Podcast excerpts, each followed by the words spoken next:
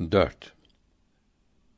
Bütün insanlara önce lazım olan şey ehli sünnet alimlerinin kitaplarında bildirdikleri gibi bir iman ve itikat edinmektir. Peygamberimiz Muhammed aleyhisselam'ın yolunu bildiren, Kur'an-ı Kerim'den murad-ı ilahiyi anlayan, hadis-i şeriflerden murad-ı peygamberiyi çıkaran bu büyük alimlerdir. Kıyamette kurtuluş yolu bunların gösterdiği yoldur. Allahü Teala'nın peygamberinin ve onun eshabının radıyallahu teala anhum ecmaîn yolunu kitaplara geçiren, değiştirilmekten ve bozulmaktan koruyan ehli sünnet alimleridir.